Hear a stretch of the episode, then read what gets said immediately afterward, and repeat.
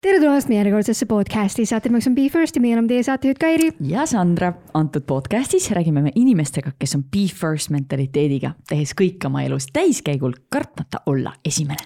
ja podcasti käigus proovime siis nende inimeste kogemusi ja harjumusi panna kõrva taha, et neid rakendada oma elus paremate tulemuste saavutamiseks. ja täna on meil külas naine nagu loodusjõud. ta on muusik. ta on äh, saatejuht.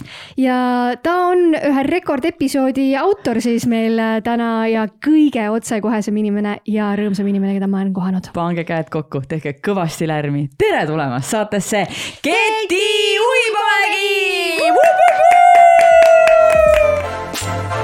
Sportland, Be First podcast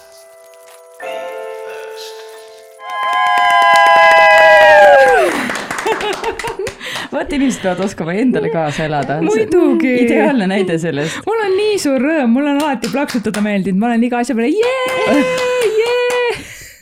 issand, ma mäletan, mu ema oli alati selline, ta on õpetaja. ja siis, kui mingid koolipeod olid, siis inimesed vaat noh, mingil hetkel lõpetavad plaksutamise, siis ta teatab niimoodi, et tal oli viimane, kes plaksutas niimoodi, siis vaatas kõiki vihase näoga, et plaksutage koos. siis mul on ka sellest ajast nüüd jäänud see, et ma teen sedasama. no vihast nägu ma ei näinud praegu õnneks, et kõik on hästi. kuule, aga nii tore, et sa meile siia stuudiosse jõudsid. no ma olen suur fänn ja mul on pikka aega olnud see kuklas, et miks mind ei kutsuta siia podcast'i, siis ma sain aru, aa, et ma ei tee piisavalt palju sporti. ja siis ma mõtlesin hmm,, milles ma üldse esimene praegu olen, et, et selline eksistentsiaalne kriis tekkis. sealt tänu meie podcast'ile. jaa, et kuidas saab nii olla, et, et on see podcast, kus kõik esimesed käivad ja mind ei ole siin. mõtlesin, et äh, mida lõikad, seda külvad, et saa paremaks siis. ja siis äh,, siis mõtlesin lõpuks, aga kaua ma ootan hakkasid sporti tegema? hakkasin sporti ka tegema ja nii stabiilselt tegema, kusjuures lähen just varsti oma uutele jooksutossudele järgi. ja, ja siis sain kutse ka, näed no,. ja no. sain ilusamad jalad, ilusama pepu ja sain kutse siia Be First podcast'i, elu on harmoonias.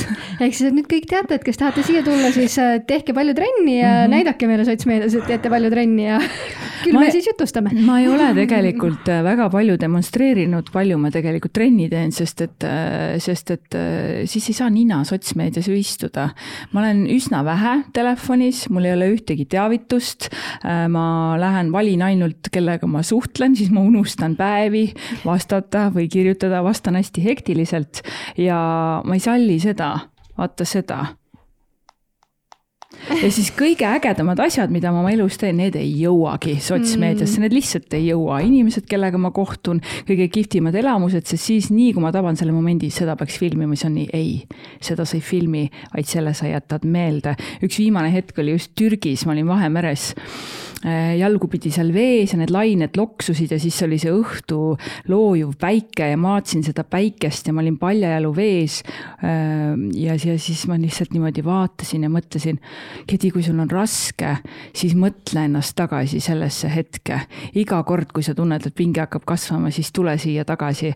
kuidagi silmadega jäädvustan seda ja tahaks nagu päriselt olla. aga mis hetkel see tuli? See on mul kogu aeg olnud, et äh, ma olen hästi vaimustuja armuja.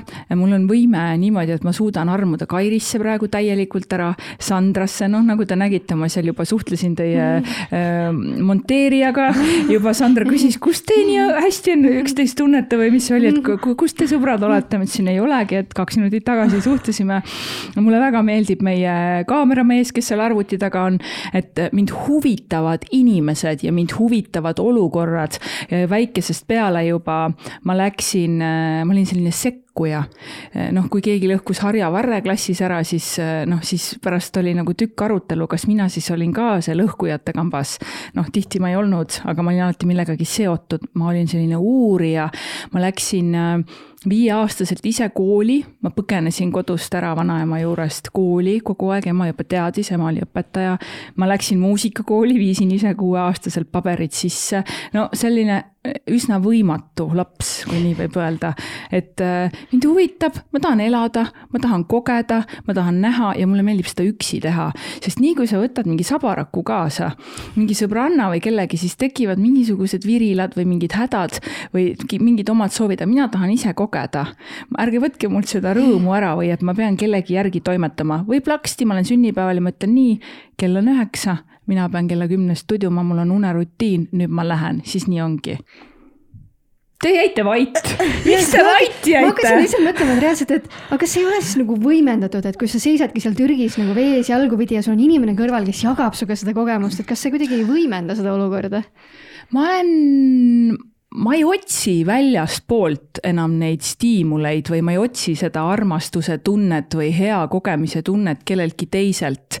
et see on, see on, sest mina ju ei tea, kuidas tema seda tajub, et me võime täpselt, te vaatate mind praegu Youtube'i vaataja vaatab ka mind, kuulab mind, aga see, kuidas, kuidas sinu kogemus elus on olnud, kuidas sina mõtled, see võib täiesti erinevaid radu viia. see, kui me vaatame päikest ja seisame jalgupidi vees, üks mõtleb, issand, kui külm, kusjuures mõtleski, jube külm on praegu see meri, et miks me ei tulnud hiljem, miks me pidime aprilli alguses reisile tulema?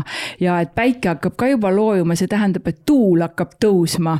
Ja üleüldse, miks see rannariba nii väike, noh, saad aru, aga noh, et, et et, et missuguse mätta otsast me asju vaatame, et äh, ei, ma ei panegi mitte kellelegi kohustust kellegagi koos midagi nautida või kogeda, see on super lahe, kui see võimalus on ja neid hetki mul on palju, aga mulle meeldib jah ise sihuke äh, toimetada. Issand, te vahite mind nagu ilma eluime, ma ei tea aga sa oledki ilmaelu ime ju, issand jumal, selline positiivne, äge inimene istub meil üle laua. ma lihtsalt mõtlengi seda, et nagu me võiksimegi sinuga lihtsalt tuimalt lennata igasugustesse teemadesse sisse, aga. Te ei saa, esimene no,. jaa, me peame ikkagi selle Davai. esimeste mängu ka ära tegema, et mina olen siuke natukene OCD, et meil on ikka vaja need raamid. alustuseks ma tahan öelda, et mul on täna mu esimesed sulgedega kingad jalas oh!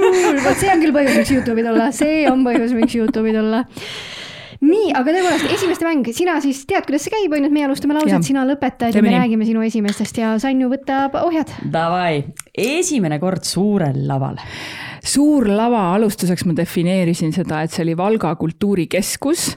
Ehm, see mahutab ilmselt kaheksasada inimest parandage mind, Valga, kui ma eksin, aga päris suur-suur lava, sellest suuremat Eestis ei ole, oli siis, kui ma olin seitseteist ja me tegime Linnahalli laval valget gospelit. siis, kui ma käisin VAF laulukoolis laulmas ja, ja siis me lõime selle VAF koori, mida täna ju kõik inimesed teavad.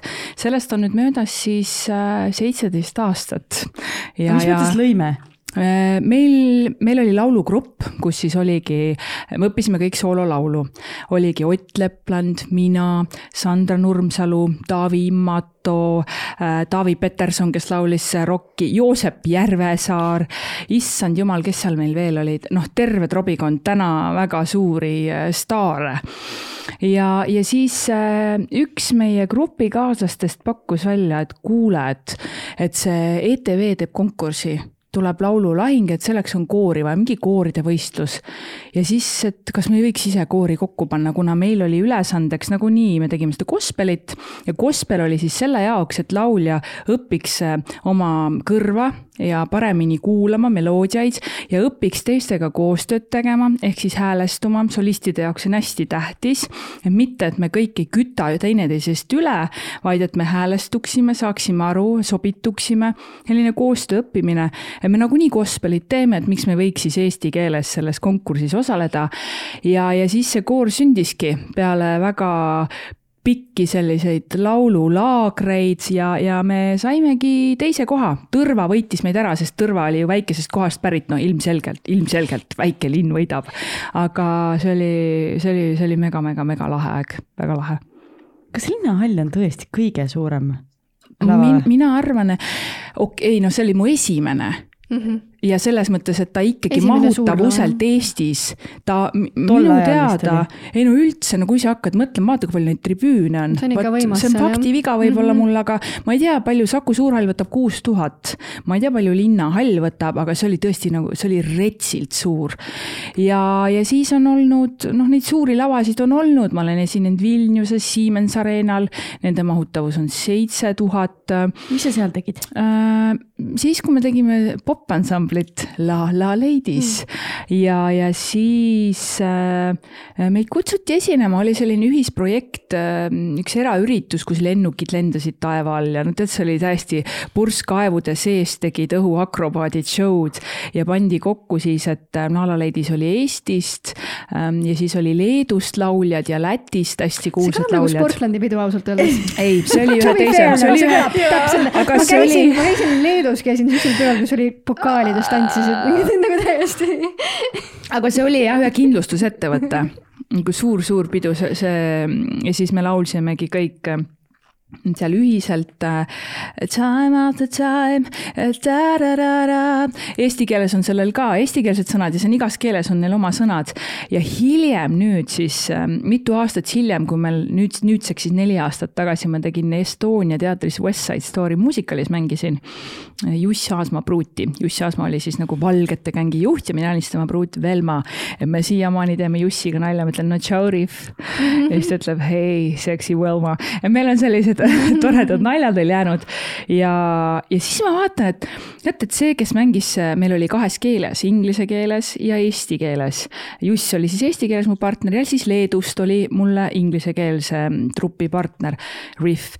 ja siis ma tükk aega mõtlen, et täitsa lõppes, sa oled nii tuttav, et ma olen kind-, saad aru, ma ei saa ära olla unus, ma olen sind kuskil näinud ja siis ma viisin kokku, et ma kohtusin temaga seal Siemens Arenal ja me laulsime temaga koos ja siis ta mõtles appi, noh et nagu kui äge see oli, et sellest oli mitu-mitu aastat hiljem, et mul olid jube lahedad proovid, ma sain kõige ilusamate ja kõige kihvtimate peaosalistega sain tantsu vihtuda, ma olin nii rahul. Et neid suuri lavasid on olnud, et äh, La La Ladistega, noh, ma ei tea ühtegi teist ansamblit Eestis, kes on äh, Dubais Burj Al Arabis esinenud, noh, see oli võimas, noh, see oli tõesti võimas, see oli kuidas minu te sinna sattusite? jälle.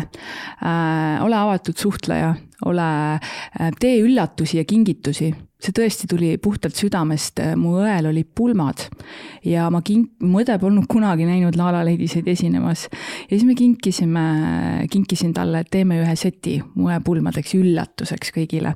ja minu õe abikaasa äh, õppis äh, magistris, oota, bakas õppis Inglismaal finantsi ja siis äh, magistri või seal bak- bakalaureuse kursu, kursa vend oli mingi Dubai mingi tegelinski poeg.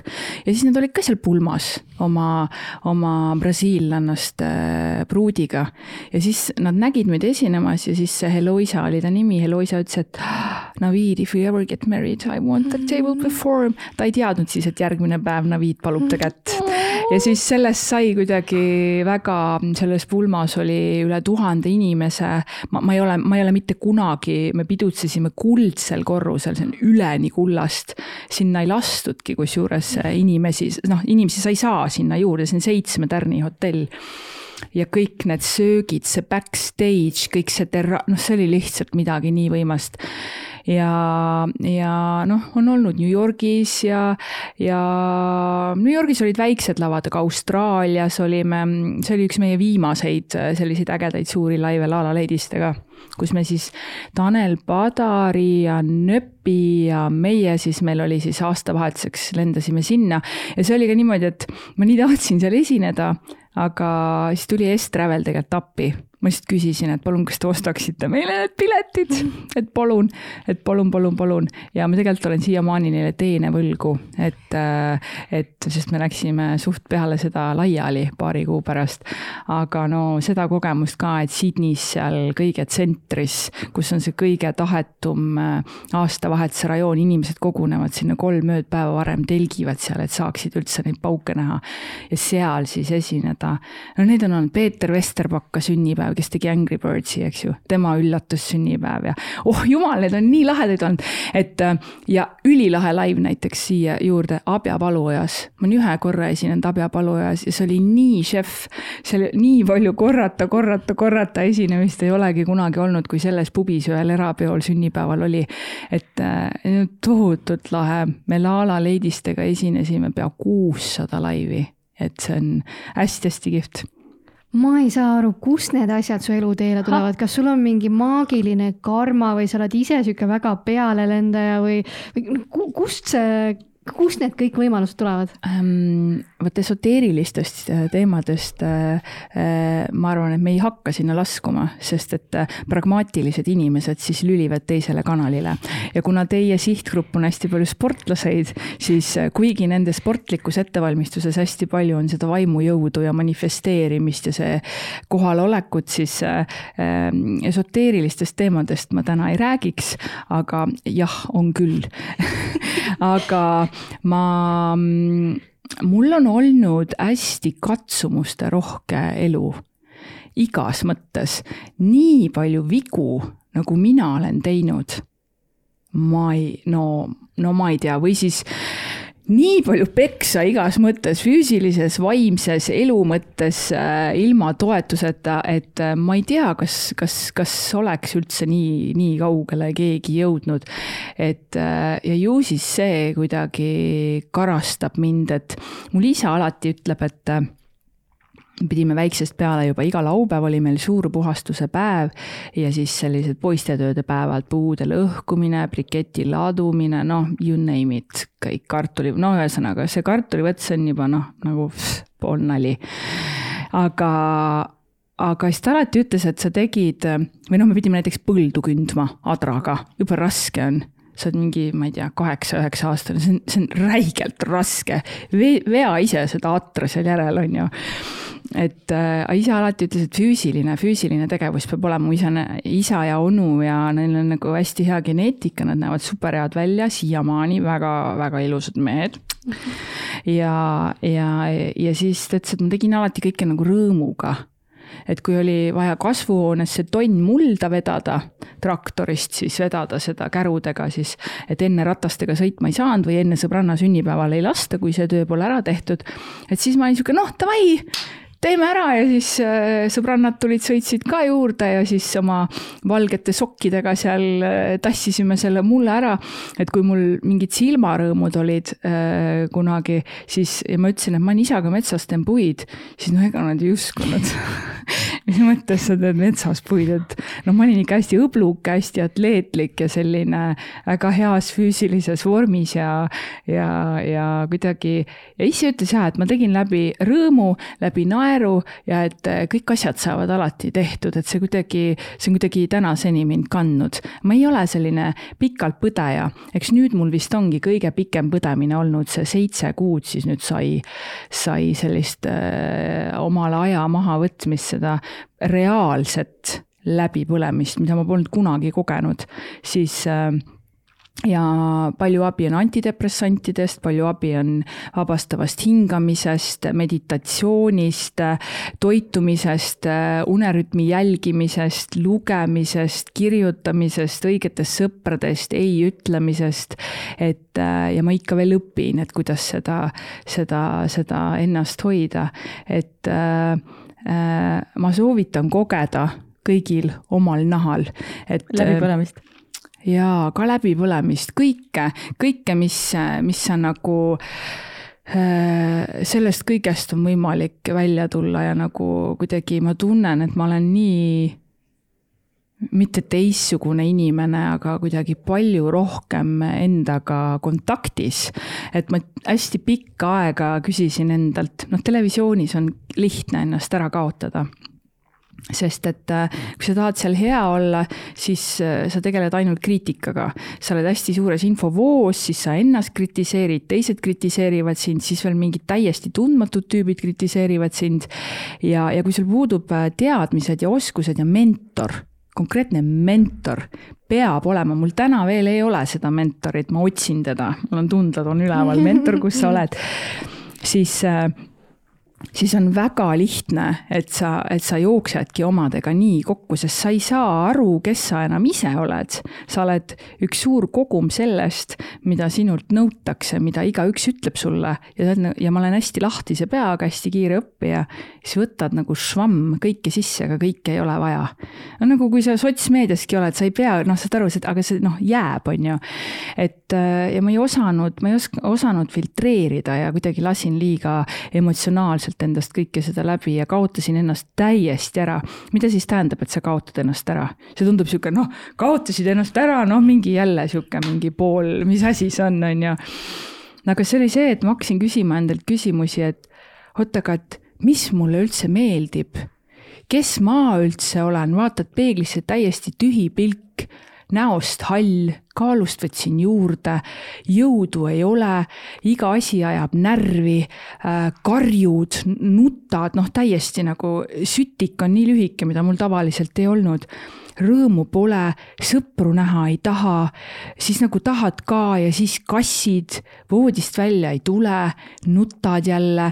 Või siis oled juba täiesti sihuke apaatne, teed nalja mingit noh, mingi, kui keegi on seal, issand, ma pean tegelikult kontrollima, mida ma räägin, sest siit võetakse mingid nupud ju. Ma vahepeal unustan selle ära, kui ma olen kohal, ma tegelikult ei tohi rääkida nii palju isiklikke asju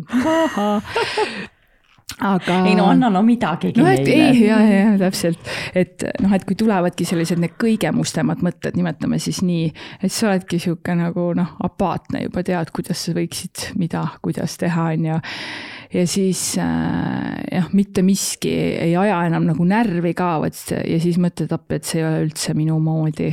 et ähm, aga mind aitas äh, esimese sammuna töö, et mul oli ette planeeritud detsembrisse üks, üks gala juhtimine ja siis mõtlesin täiesti lõpp, et ma ei julge inimeste ettegi minna, mul tekib mingi täielik hapnikupuudus ja noh, paanikahoog, et mismoodi ma selle töö siis nagu ära teen, et mis nüüd saab.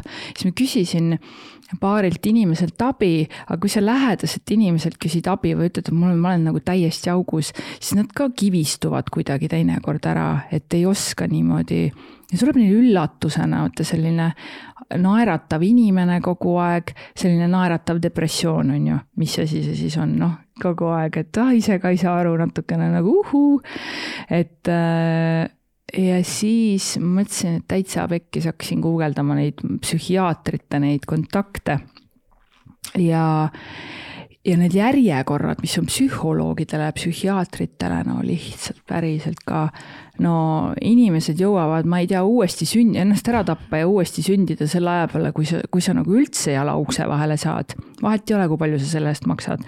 siis lõpuks ma leidsin äh, internetist ühe veebilehekülje Documental Care äkki või, Eduard Mano ja, ja siis ma olin mingi, kõik see on online'i teel ja ma lihtsalt nagu sain selle jõu, et broneerin sinna aja ära.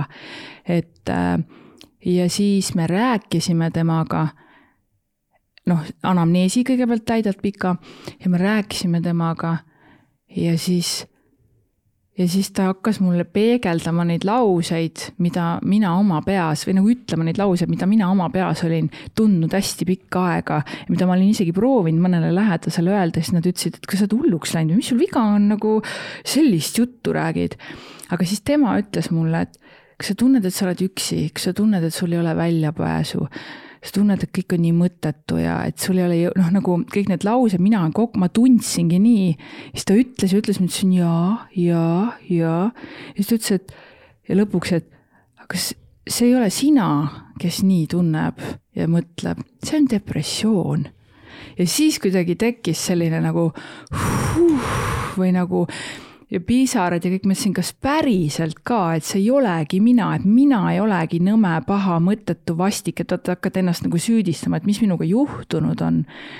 siis äh, ja siis sellest kuidagi ja rohud loomulikult ka, et mingi hetk, noh, ta ütles ka mulle, kallikene, et sa võid küll tervislikult süüa ja liikuda ja teha sporti ja oma hingamisi ja külma duši, aga noh, ütleski, et banaanidieediga sa ajukeemiat ei muuda.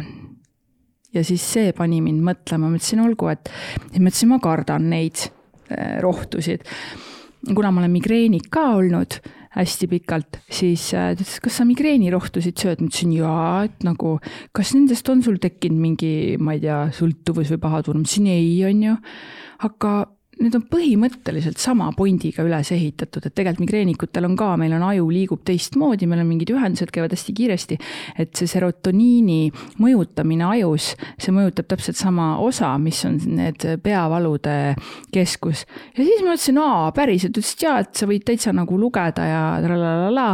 ja siis kuidagi, kuidagi sain nende rohtudega ka sina peale ja, ja, ja kuidagi jah, siis hakkas hakkas vaikselt, vaikselt nagu see karussell nagu äh, minema niimoodi lõbusamaks, et, et läks kuidagi eluisu hakkas tagasi tulema ja, ja selline mm,. aga ma võtsin enda jaoks aega, ma ütlesin kõikidele asjadele ei ei, ikka väga palju ja, ja ma, ma hakkasin ainult äh, selle järgi elama, mida mina tahan ja siis ma esitan endale sellist küsimust tänaseni, mida väike ketu tahab, ketu on minu hüüdnimi mida väike Ketu tahab, hoolitse selle pisikese tüdruku eest, sest ma olen ka hästi lapselik, ma olen hästi empaatiline, selline rõõmus. Ja ma ütlesin, kui ma tema eest suudan hoolitseda, siis ma suudan, siis ma suudan enda eest ka hoolitseda, et see võta see väike tüdruk, noh, perekonstellatsioonis ka psühholoogias ju tehakse neid igasuguseid mänge. ja, ja see kuidagi hästi aitab mind, et ma justkui teinekord, kui ma tahaks vastu pusida, noh, tekivad mingid mis ma ütlen ei, aga see väikesel ketul on praegu vaja magama minna, nii et viidad tuttu. et kuidagi selline äh, lahe, lahe eluterve diskussioon on tekkinud ja see on jumala okei okay.. et ja nüüd ma tagantjärgi viisin kokku, et noh, kuidas ma siis jõudsin sinna, eks, et tööl need asjad sellest polegi mõtet enam rääkida, ise ju teen need valikud, kuhu ma ja kui palju ma oma energiat annan. et äh, aga eks mul jäi ikkagi kõige selle Covidiga ja, ja selle selja teemadega, et eks see tegelikult kolme aasta jooksul on niimoodi süvenenud. ja, ja kui mingi killuke jääb sisse, seda depressiooni alget ja, ja, ja lõpuni selle, nende teemadega ei tegele või ei lahenda, siis on väga lihtne mingi asi sinna juurde panna, mingi lisatrauma või või stress ja siis, ja siis see lihtsalt nagu võimendubki nii.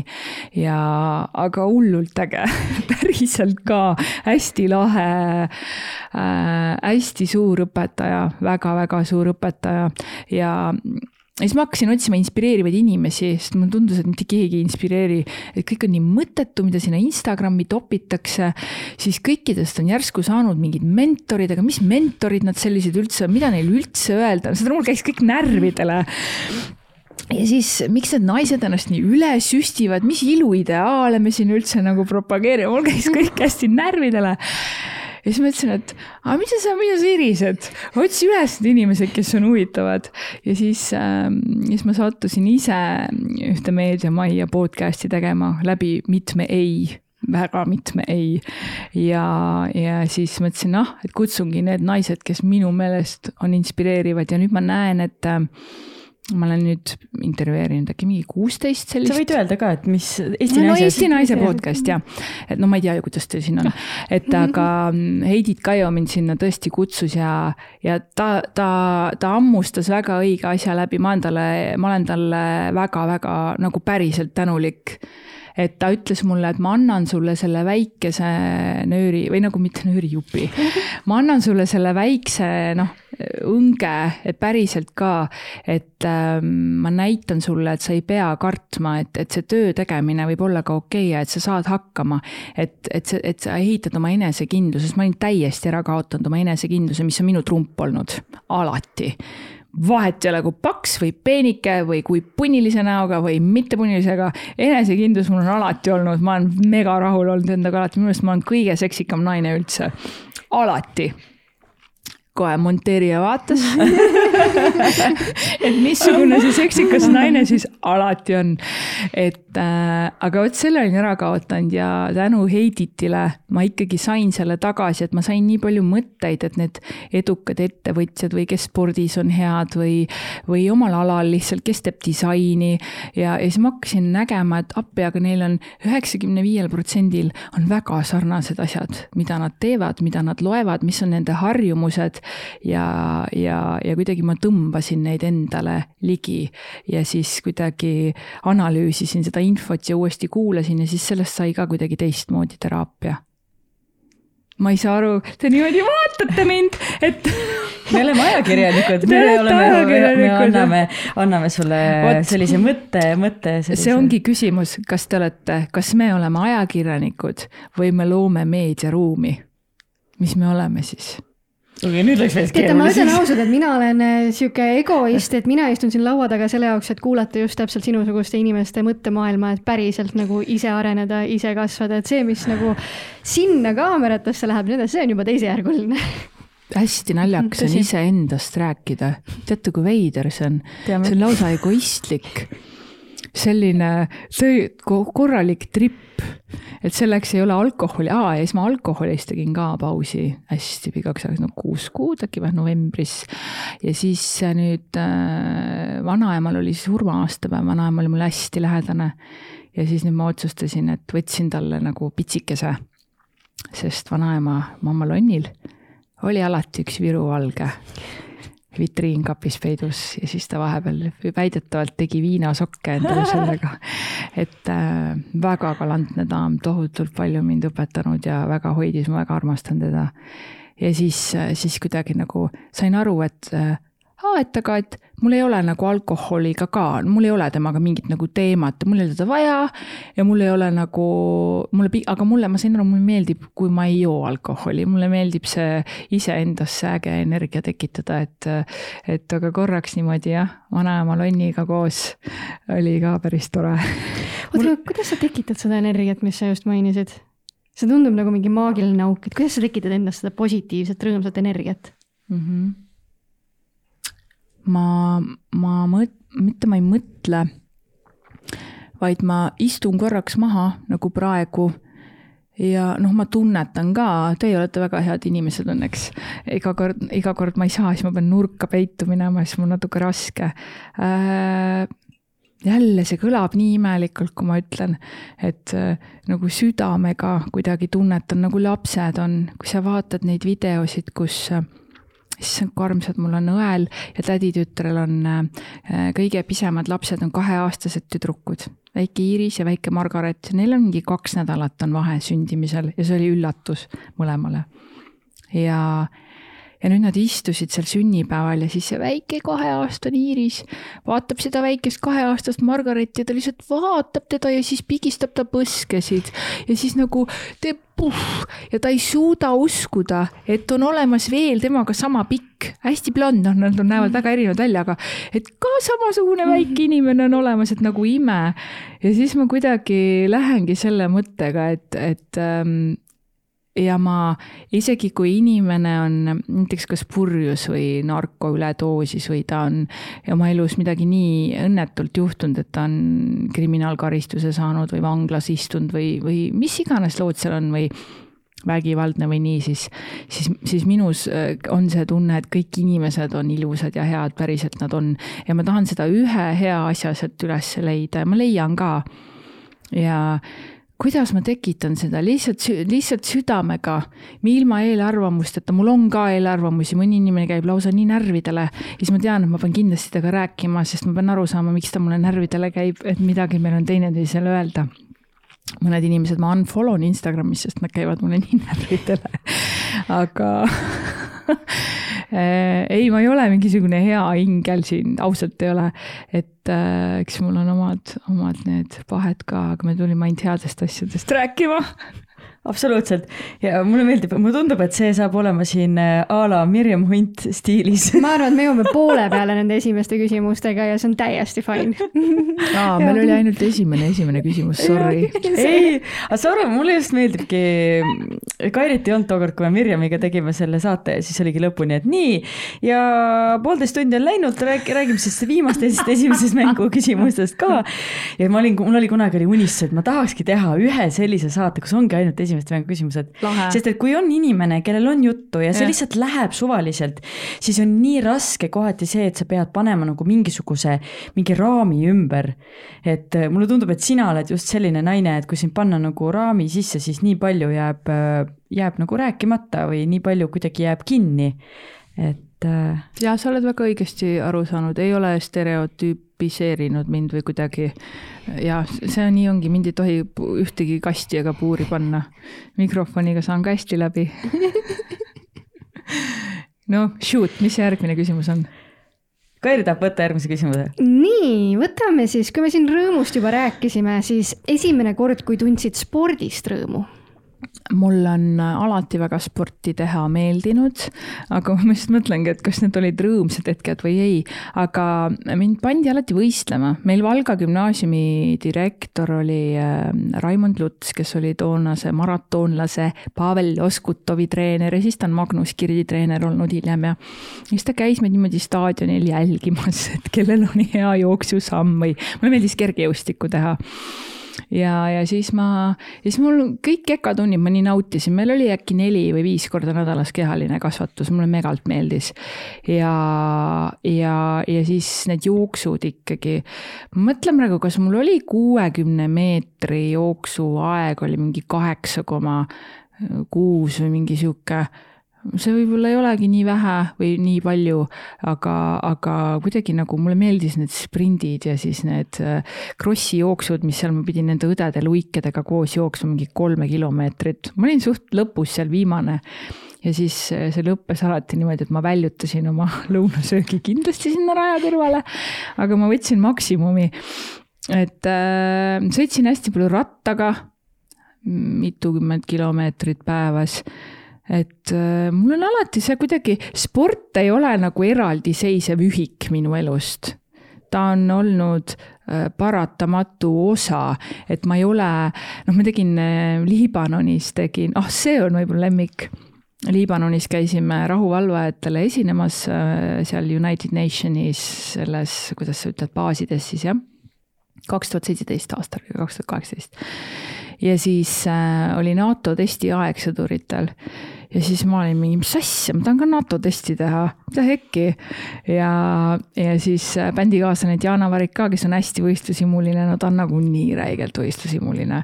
ta peab kõik võitma, mina sihuke ei ole, et ma pean võitma, mul on pigem, et saaks nalja. ja siis äh, seal olidki äh, kolm kilomeetrit kõrbes jooksu, üle neljakümne kraadi oli kuuma. Si-, äh, siis oli äh, kõhulihased kakskümmend kahe minuti jooksul, kätekad kahe minuti jooksul ja mingi asi oli veel, ma ei mäleta, mis see oli. ma sain üheksakümmend kaheksa protsenti selle nagu naiste sõjaväe täitumise, ma ei tea, kus, kätega võrdlusi, ma ei tea, kust otsast see tuli, et ma neid suutsin üldse teha nagu ja mitte mingi põlvede peal või nii sest käed on mul suht makaronid olid tollel ajal, aga see tunne, kui ma jooksin äh, elukutselistest sõjaväelastest, ma mäletan, ma jooksin seitsmeteistkümnest mehest nagu gazell mööda. vot see tunne on täiesti kirjeldamatu, päriselt ka, see on lihtsalt nagu vola, no ma lihtsalt nautisin seda, et ah see pats lehvis seal niimoodi, et, et see oli, see oli väga lahe, kus ma nagu tõesti kaifisin aga kuidas sul täna on, kas, äh, kui me paneksime su praegu siin äh, ratta otsa ja ütleks, et mine sõida sada kilomeetrit, naudiksid? ei naudiks? ma olen kõige pikema distantsi äkki järjest sõitnud kaheksakümmend üheksa kilomeetrit, see oli mingi rattamatk ja niimoodi, et minuga alati juhtub igast asju, et ma sõitsin sellest kaheksa kilomeetrit katkise kummiga, et see oli tühi, siis ma ei saanud aru, ma olin kahe poisiga koos, tegime rattamatka üle Eesti. siis ma ei saanud üldse aru, miks mul nii raske sõita on. ja, ja siis noh, mingi klassiku rattaga, mingi üliraske ja rõve ja vastik ratas oli. Rattaga mulle täiega meeldib sõita, ma täiega praegu, sõbranna lubas oma ratast mulle laenata kuuks ajaks. et ma siis proovin, et kui palju ma siis reaalselt sõidan temaga ja siis ma tegelikult tahan tahan, et ma sünnipäevaks, ma juba käisin piilumas mingeid rattaid, et ma tahan jalgratast endale. jep ma ei ole mingi, noh, kui sa ütled mulle kaheksakümmend või mingi sada kilomeetrit, siis noh, see on mingi Pärnu ots on ju kuskile poole peale. ma panen klapid kõrva, nagu mitte kõvasti käima, sest et sa kuuleks, on ju. siis mul on mingi hea tuju, mul on seljakott on kaasas, on ju, võtan sinna mingi oma vee, mulle meeldib vett ju, teed mingid peatused. no mis seal siis minna, no hakkad kümne kilomeetri kaupa minema, kaua sa kümmet kilomeetrit sõidad? noh, sõidad ju, issand, viis kilomeetrit sõidad viieteist minutiga ära ju ei sõida või? Või kahekümne minutiga. noh, mis sealt siis minna on? kiiremini Kiiremini, ikka palun, mitte midagi pole sealt minna, see on köki, käkitegu ju. kaks no. peatust ja kuule, aga ma, ma, ma ei saa jätta küsimata, kas, kas sa oled alati olnud selline? milline? see, selline, et nagu, aa, siin on mingisugune väljakutse või, mingi raskus või? ei no, aga teeme väikesteks tükkideks ja lähme teeme ära selle pulli. pigem sest et mulle tundub lihtsalt, et üldjuhul inimesed näevad takistusi, sina näed lahendusi mm. -hmm. kuidas see nii on? Mm, jah, see on väga hea küsimus, väga lai küsimus ka, kuidas see nii on um,. see on um, sellest ilmselt, et uh, mul väiksena ei olnud neid asju või neid ähm, jah, just nimelt asju, me räägime praegu asjadest, füüsilistest asjadest, mida mina tahtsin. mul ei olnud neid võimalik saada ja siis, ja siis ma mõtlesin, et aga kuidagi ma pean nad saama. et äh, näiteks oma elu esimesed äh, päris firma teksapüksid, mis ei olnud nagu, ei ostetud nagu turu pealt ega kaltsukast, need olid Miss Sixty brändi omad, need maksid kahe, ei kaks tuhat krooni see on lihtsalt räigelt palju ja ma rügasin, see oli põhimõtteliselt mingi üks päris suur osa minu suvel maasikapõllul teenitud rahast, mis ma Soomes rügasin nagu terve suve on ju. hommikul kell kolm ärkasin ülesse ja siis, ja siis lasin seal oh my god, mis asja. sellepärast, et mul ei olnud kohe neid asju, mida ma tahan saada, aga siis ma õppisin ära, et, et kes see neid mulle siis toob, keegi teine ju ei too. Ma pean ise selle jaoks midagi tegema. Ja, ja Tallinnasse ka, kui ma tulin, ega siis vanematel raha ei olnud, et meil ei olnud niimoodi anda, et me saime kokku viissada krooni kuu aja peale, noh, selle eest sai täpselt kaks bussipiletit edasi-tagasi Valka ja Tallinnasse. ja siis ma hakkasin koristajana tööl käima, et minna Vahvi laulukooli laulma ja maksta neid asju ja noh, tegin igasuguseid asju ja siis ma sain, õppisingi selle ära, et kui näed, et kui ma mõtlen mingi asja välja, mida ma tahan, mul on mingi eesmärk, siis see tuli nagu töö käigus, et siis ma ju saan need asjad tehtud ka ja, ja nii kuidagi on läinud. pigem on see probleem, et ma tean, et ma saan need asjad tehtud ja siis ma ei vali vahendeid. Või ma valin nagu, ma lähen nagu läbi kõigest, mitte inimestest, aga ma lähen kõigest läbi ennast hoidmata. Ja see on ka see, mis tekitab sellist töönarkomaaniat. Ja ma teen kõik need asjad meeldivad mulle absoluutselt ja, aga on väga lihtne oht ongi see, et millal siis peatuda. olgu see töös, noh, minu hobist on saanud mu kirg, ega laulmisega ka mitte keegi ei uskunud, te ei kujuta ette, kui keeruline on olla Valgas. no ma olin seitseteist, kui ma lõpetasin keskkooli ja ma käisin siis Superstaari saates. kõige esimene Superstaari saade oligi seitseteist aastat tagasi ja mitte keegi ei usu sinusse, mitte keegi. ma polnud inglise keeles laulnudki, okei okay,, mingil Hello Dolly't ühe korra olin, aga ega ma ei osanud niimoodi. ma laulsin eestikeelseid laule, Vaiki kui võid ja noh, sellised tead. ja, ja siis ma mõtlesin, mul täiesti suva, mina lähen, ma pole telekaameraidki näinud, mina lähen sinna, sest mina tahan, ma lihtsalt tahan, ma pean seal olema. mu tädi ütles, et ma olin väikesest peale ikkagi kolmesest, kahesest peale, ma ainult seisin deodorandipurk käes peegli ees ja ainult laulsin, toppisin mingeid salle ja sukkpükse endale pähe ja kuidagi sättisin ennast. mul on, mul on, mul on selles osas nagu antud, mul on antud seda äh, isu vaata, kui sul on isu, siis, siis sa nagu leiad lahendeid, kuidas oma nälga äh, rahuldada. et kui sul kõht täis kogu aeg on, siis on selline mugavustsoon ja, ja, ja ma lihtsalt tahan jube palju ja näiteks praegu, kui sa küsid, mis mu eesmärk on pole, ma ei oska sulle vastata, juhuslikult jube mõnus on, tahaks hästi elada, mul on mingid asjad, mida ma tahan endale kunagi osta, aga samas nagu ma ei ole asjade inimene ka. pigem tahaks, et oleks fun elu, et see on, selle ma olen ammu ära õppinud, ärge pange endale eesmärke, see lihtsalt paneb lisapinget teile, et äh, aga kõik eesmärgid, mis ma olen kirja pannud, olen ma ära teinud, aga lihtsalt teinekord on olnud äh, ajaliselt läinud kauem aega. Sandra Vabanane luksub praegu. ta oli, ta nagu hakkas midagi, hakkas sügelema siit selja tagant ja ma arvan. ta paneb räigelt eesmärke ja jah, see on tema, that's her gem. aga Oh, no vaata, ongi see, et ke- kellele mis, eks ole mm. -hmm. Et äh, kellele, kellele sobib üks asi, kellele sobib teine asi ja, ja tihti on ka see, noh, me oleme kõik tegelikult, mina olen ka Sandraga koos õppinud seda eesmärkide seadmist ja näiteks viimased paar kuud ma tunnen, et ma lihtsalt ei taha, ma lihtsalt ei taha. et äh, või siis mul on ainult üks asi, mul on ainult üks eesmärk, ma tahan ainult selle nimel töötada ja ei, ei olegi mõtet sundida ennast. mul on ennast. üks eesmärk, ma soovitan teile ka proovida olla kasvõi ühe päeva selle eesmärgiga. mida väikene Kairi tahab, mida väikene Sandra tahab, mida väikene sina tahad, ainult üks mõte. mis tava, mida tavaliselt väike Keti tahab? väike Keti tahab palju naerda. ta tahab äh, olla armastatud, nagu selle sõna kõige otsesemases mõttes, ma taha, tahab kallistada, hästi palju kallistada väike Keti tahab kindlasti kas rääkida jube palju või laulda. väike Keti peab liikuda saama, kindlalt kohe palju magada, lugeda või õppida midagi uut alati, kogu aeg, kas see on mingi uus keel või on see mingi uus mõte. väike Keti tahab kellelegi helistada et äh, neid asju on äh, noh, lugematul hulgal, ma olen selline vaimustuja, et kui näiteks teie ütleksite, et ma ei tea, et Kairi tegeleb, ma ei tea, mis spordialaga sa tegeled? hetkel Ironman. Nonii, oh my god ah,. ühe asja, mis, oh, teate, kui hea. vaata, see Ironmani hullus käis siin kõigil üle, sul ka, on ju.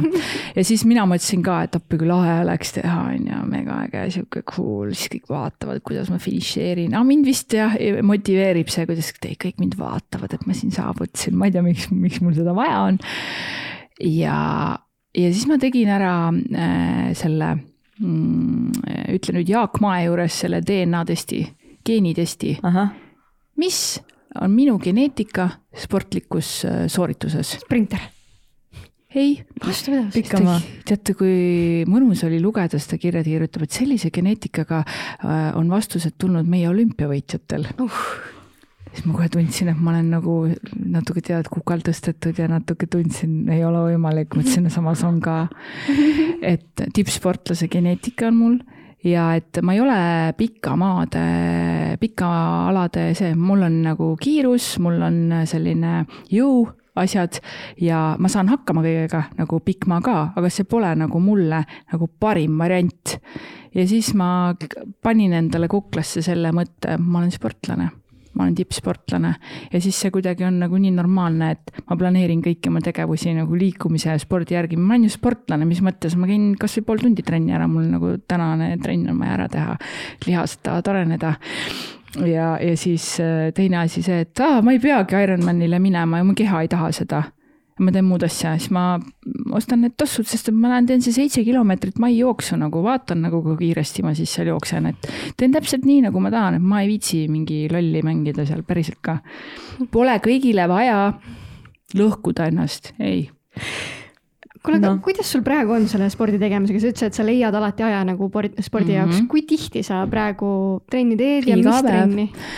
Mul on niimoodi sätitud, et äh, nagu selles mõttes, et hästi kehatunnetuse järgi, aga ma teen iga päev kindlalt midagi, et äh, jõusaal, mul on äh, kavad tehtud siis eratreeneril, võtsin sellise treeneri, kellel on kokkupuude siis seljahaigetega, noh, e-, eelmiste. siis mul hästi pikalt ma tegin basseinis neid füsiokavasid, siis mul oli minu piriformise, piriformise lihas oli natukene ka tuksis ja mingid asjad seal, siis ma tegin neid harjutusi iga päev. ja nüüd ma vaatangi, jõudu tuleb selline neli korda nädalas äkki, siis tuleb äh, jalutama nagunii, eile mingi kuusteist tuhat sammu, no nagunii kõnnid või siis lähen jooksen ja siis tuleb see äh, jooga või pilates mulle väga sobib, äh, kõikidele seljahaigetele jällegi, endistele äh, väga soovitan. ja käisin pädelis, hakkasin ka käima ja võtsin tennise eratrenne ka, aga tennis ma ei ole päris kindel, sest et ähm, seda on, noh, seda ei saagi selgeks, tahaks mängida ka. et pädelis ma ikkagi aeg-ajalt käin, et ostsin selle reketi ära. et täitsa tunnetuse järgi täiesti, aga jah, jõusaal on, ma olen täitsa nagu armunud ära ja näiteks rühmatrennides ma ei käi enam. selle, noh, joogas küll, aga sellepärast, et äh, ma hakkan teiste järgi, tahan rapsima hakata, jubedalt tahaks, vaata, tekib mingi grupidünaamika mul, et tahaks ka nagu teistega sama jalga astuda samas rütmis, aga igalühel on oma rütm kui teine teeb kaheksateist korda, siis mina võib-olla teen ainult kolm. et äh, hästi see kehatunnetus ja vabastavad hingamised, see on, äh, sportlased käivad väga palju vabastavas hingamises, see on ju, võtad kehalt pinget ära, see on väga palju mind aidanud ja, ja ka krüoteraapias hakkasin käima. mis see on, räägi. see on äh, miinus sada nelikümmend viis kraadi kamber, mina teen seda kolm minutit, muidu tehakse kaks ja, ja siis lihtsalt seisad seal, et aitab kiiremini lihastel taastuda ja põletikku alandab ja liigesevalude vastu ja, ja kõik, siis LPG-s ma käin, praegu nüüd enam mitte, noh tead, sellised kombineerin ja vaatan, et mida keha tahab, mida väikeketi tahab, mida keha tahab, et hästi selline iseendaga, kõike teen iseenda järgi oota, sa ütlesid, et sa käisid, sul oli personaaltreener, kes oli spetsialiseerunud äh, siis mingi seljateemadele. kes see, kes see on, võib-olla kellelgi on huvi? ta on, ei, ta on Kaspar Kaldoja mm, -hmm. ta on MyFitnessist, aga tema nüüd tegi endal, tal on massööri taust ja ta tegi endale füsioterapeudi äh, paberid ka. ja, ja kuna kõik mulle soovitasid teda, et võta tema, siis äh, noh, siis see nii oligi, et arvestades siis minu selga ja, ja, ja minu neid eesmärke ja nüüd polegi teda tükk aega näinud ja me tegime niimoodi mina ütlesin, mina ei ole jaanuarist alustaja, et see on mõttetu, mina alustan siis, kui mina tahan, mina alustasin novembris, mitte ei ole nii, et täna on pühapäev ja siis oo esmaspäevast alustan, sa ei alusta nagunii, mine välja praegu. pane see podcast kõrva käima ja mine välja, mine tee trenni. ja ma tean, et see kõlab võib-olla nõmedalt, aga inimene ikkagi, kes on väga tohutult rasvunud, väga suures ülekaalus, sorry, pane oma suu kinni. igas mõttes ära aja endale igasugust pahna sisse, ma tean, mida ma räägin, sest ma olen ise samasugune olnud, kui sa ikka kühveldad endale Pringlesi krõpsu, tohvifeed, pitsat, pastat äh,, mis iganes, pikopallakommid, no hallo kosmos, noh. Isegi kui sa kohe kaalus juurde ei võta, see tekitab su insuliini, aa, ma läbisin toitumiskoolituse ka uuesti tekitab sul ju veres, teeb sellise roller coaster'i, sul ei saagi hea olla. siis tekib hormonaalne tasakaal läheb sul paigast ära, siis tekib juba see, et oi, aga mul on sellepärast ülekaal, et mul kilpnääre ei funka või et mul on mingi tervislik ainepuudus ja sul ongi ainepuudus, sest et sa sööd mingit täielikku jama sisse ja, ja siis need vinguvad ka veel, sa vingudki, sest sul ongi paha tuju, sest vaata, mida sa suhu pistad. et, et ähm, ma ei saa sellest aru tähendab, ma saan sellest aru, sest ma olen ise seal olnud. ma ei ole ennast nüüd nagu väga hullult äh, ülekaalu lasknud, aga ma olin ikkagi, ikkagi kõva kümme kilo ülekaalus ja see ei ole, noh, mul endal oli raske olla lihtsalt ja kui ma ise pole rahul, siis noh, nii ongi et, et see, meil on, ma, miks ma seda nii rõvedalt ütlen, on see, et mul on paha vaadata, kuidas lapsed on ülekaalus. ja miks lapsed on ülekaalus, on sellepärast, et nende isad ja emad on ülekaalus ja nad on väsinud ja palju odavam on teha kodus äh, endale karbiga söök kaasa, sul ei ole nii raske, mine osta kahe X-iga Maximast või Lidlist endale kilo õunu, osta pakk pähklit, sul on terveks nädalaks vahepalad olemas. võtad paar pähkliampsu, võtad ühe õuna, sul on jälle ilusasti ja sa ei lähe ja haara seda šoksi. vahepeal on jumala okei okay., ma võtan ka vahepeal šokolaadi, aga ma teadvustan seda endale. et äh, valikute küsimus, et äh, näonahk täpselt samamoodi, miks ma oma aknast olen nii palju rääkinud. eks see teekond on palju parem, aga ma olen üks esimestest äh, avaliku elu tegelastest, kes läks ajakirja öö, palja punnilise koleda näoga. Väga paha oli ennast kogu aeg vaadata, ma olen aastaid selline. ega see telemeik siis, ega see ju pidev grimmi all olemine, ega see ei tee ju head, aga siis tekib vaata see loll nõiaring, et topid veel peale. see punn tahab puhata, siis paned veel suurema kihi ja siis nii ta läheb et äh, siis ma ütlesin, et lõpeta ära võta maha ja tegele sellega, et äh, vaata, kui me räägime siin ka iluideaal on need hästi süstitud ja kõik, et midagi ei liigu ja huuled, et minu nahaarst, doktor Brett Kaldvee ütles jube hästi, ma ei pane mitte ühelegi inimesele äh, noh, nii-öelda süstalt huulde. Need pole täpselt tema sõnad, aga noh, point on nagu see, et äh, enne kui sul ei ole nagu päriselt ravitud kõik korda mis see point siis on, et kui sul on nagu noh, sul on endal mingi põletik ja haigus on sees, et mida sa nendest huultest üldse puutud või keda see korts huvitab, et palun tee endal nagu kõik see esteetiline osa korda. et, äh, et need on kõik omavahel seotud, et ähm, mina tunnen, et ma tahan olla ilus ja ilus tähendab seda, et äh, selline, nagu ma, nagu ma sündisin saad aru, less is more, et loomulikult, kui tuled televisiooni või salvestusele, et sa paned ikkagi kerge puudri ja, ja asja peale, et sest et noh, valgus sööb ja kõik sööb, et muidu istud nagu muumia. aga, aga enam mingit sellist, et ma varjan ennast või, või, või kuidagi maskeerid, sest mul on punnid või, või mingit ebakindlust, ma ütlesin fuck it, ma ei ole sellega nõus. lõika see välja, sa fuck it võib vabalt sisse jääda, aga sa ütled, on ju, et, et võiks nii-öelda sellest aknes, aknega tegeleda, võiks kaaluga tegeleda. kuidas sina sellega tegelema hakkasid, et mis need mm -hmm. esimesed sammud olid, sest hästi lihtne on mõelda nagu, et mhm, oh, küll, nüüd, nüüd ma hakkan hästi sööma ja nüüd on ma küll, ühtegi piimatoodet enam ei tarbi, sest see tekitab mul mm -hmm. punne, on ju. aga mis need sammud siis on? kõigepealt äh, kui sul on päriselt, noh mind, miks mind tegelikult see innustas, olid need tohutud peavalud ja need migreenid, kus ma siis oksendan ja ma kaotan kõne ja kõik see nii takistas mul elamist, mul viskas lihtsalt Kaotad nii üle. ja ma ei saa rääkida, ma olen halvatud siis, ma ei näe, see kestab kolm päeva. et noh, ja noh, siis ühesõnaga ja nüüd kui ma olen äh, muutnud kõike seda toitumist, liikumist, kõike seda, mul ei ole üle kolme kuu olnud mitte ühtegi migreenihoogu, varem oli mul mitu hoogu nädalas. Ja ma sõltusin, ma elasin nende migreenihoogude järgi, et kuidas noh, millal ta tuleb ja noh, et äh, miks, kõige tähtsam on see, noh, me räägime alati, mis on sinu miks, aga päriselt ka vaata endale otsa. kui sa kritiseerid iseennast või, või ei ole rahul, olgu selleks siis mingid noh, mis iganes sentimeetrid või su näonaha olukord või enesetunne, siis mis on su miks, miks sa tahad paremasse, no mina teadsin, et, et äh, ma tahan lihtsalt olla mina, mina, ma, ma tahan olla rõõmus, no ma igatsesin enda seda päris olemust, aga aga ma ikkagi võtsin abi, igas asjas on mul abi.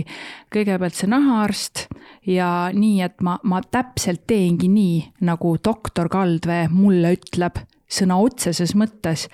ja, ja mul on kõik tasulised arstid olnud, oleme siis nagu proovinud kuidagi kombineerida, et, et kui aega ei saa, siis kuidagi noh, sa pead vastutama, ma siis panen, investeerin oma nagu tervisesse. Vereproovid, võib-olla sul on üldse ongi nagu mul näiteks ferritiini tase või hemoglobiini tase, võib-olla seal on midagi paigast ära, mis sul üldse need muud mineraalid teevad? Siis võtsin toitumisse äh, nagu nõustaja endale äh,, mitte dieeti, ma teadsin kohe, ma ei ole mingi kalorilugeja, olen seda ka proovinud teha, aga ei tule väga välja. ja õppisin aru saama, et mida annab mulle sai, äh, mitte kaloritest, vaid nagu, mis asi see siis on, et mis mu kehaga päriselt toimub, hästi palju kuulan neid Youtube'ist ja igalt poolt neid harivaid asju, lugesin ära glükoosirevolutsiooni raamatu juba üliammu, aga noh, nüüd see hakkab ka hitiks tulema siin, ma tean, kõik seda loevad. See on lihtsalt nii lihtne, kui sa tahad friikartuleid süüa, söö enne värske salat ära ja täitsa lõpp see toimib. Ja siis noh see on täpselt sama asi, aga su veri või su keha ei tee nii. ehk siis su tuju ka ei tee nii ja sa ei saa šokki, vaid ta läheb nii. kui te tahate teada, mis see nii on ja te olete praegu hetkel ainult Spotify, siis palun tulge Youtube'i päriselt ka, et, et see üles-alla hüplemist, seda suurt, et ähm, see aitas palju ja, ja, ja oligi see, see toitumine, mis on valgud mis on rasvad, mida teeb süsivesik, mis on mineraalid, noh, kõik selle tegin selgeks, sellest oli väga palju abi, sest ma sain aru, et mul pole mõtet mingit dieeti jälgida, sest et ma tahan ju elustiili, mitte dieeti siis teine asi, äh, võtsingi treeneri, sest ma sain aru, ma ei oska mitte midagi seal jõusaalis teha. ma lihtsalt ei oska, ma olen nagu loll.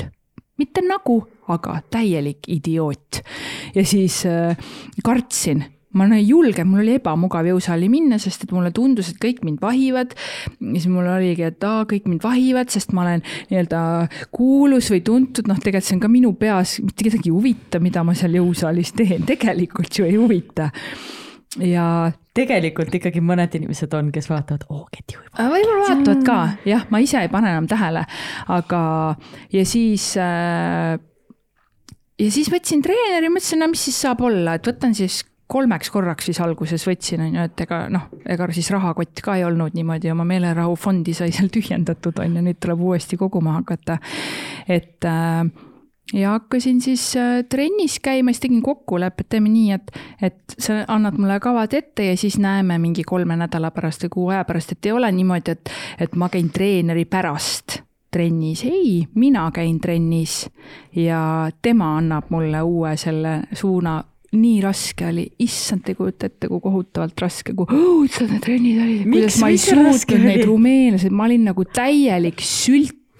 Ma olin lödi, eh, tead nagu see, nagu see tarretis või nagu tead see täiesti mõrõmõnimjassa, nagu vene keeles öeldakse, kala ei liha.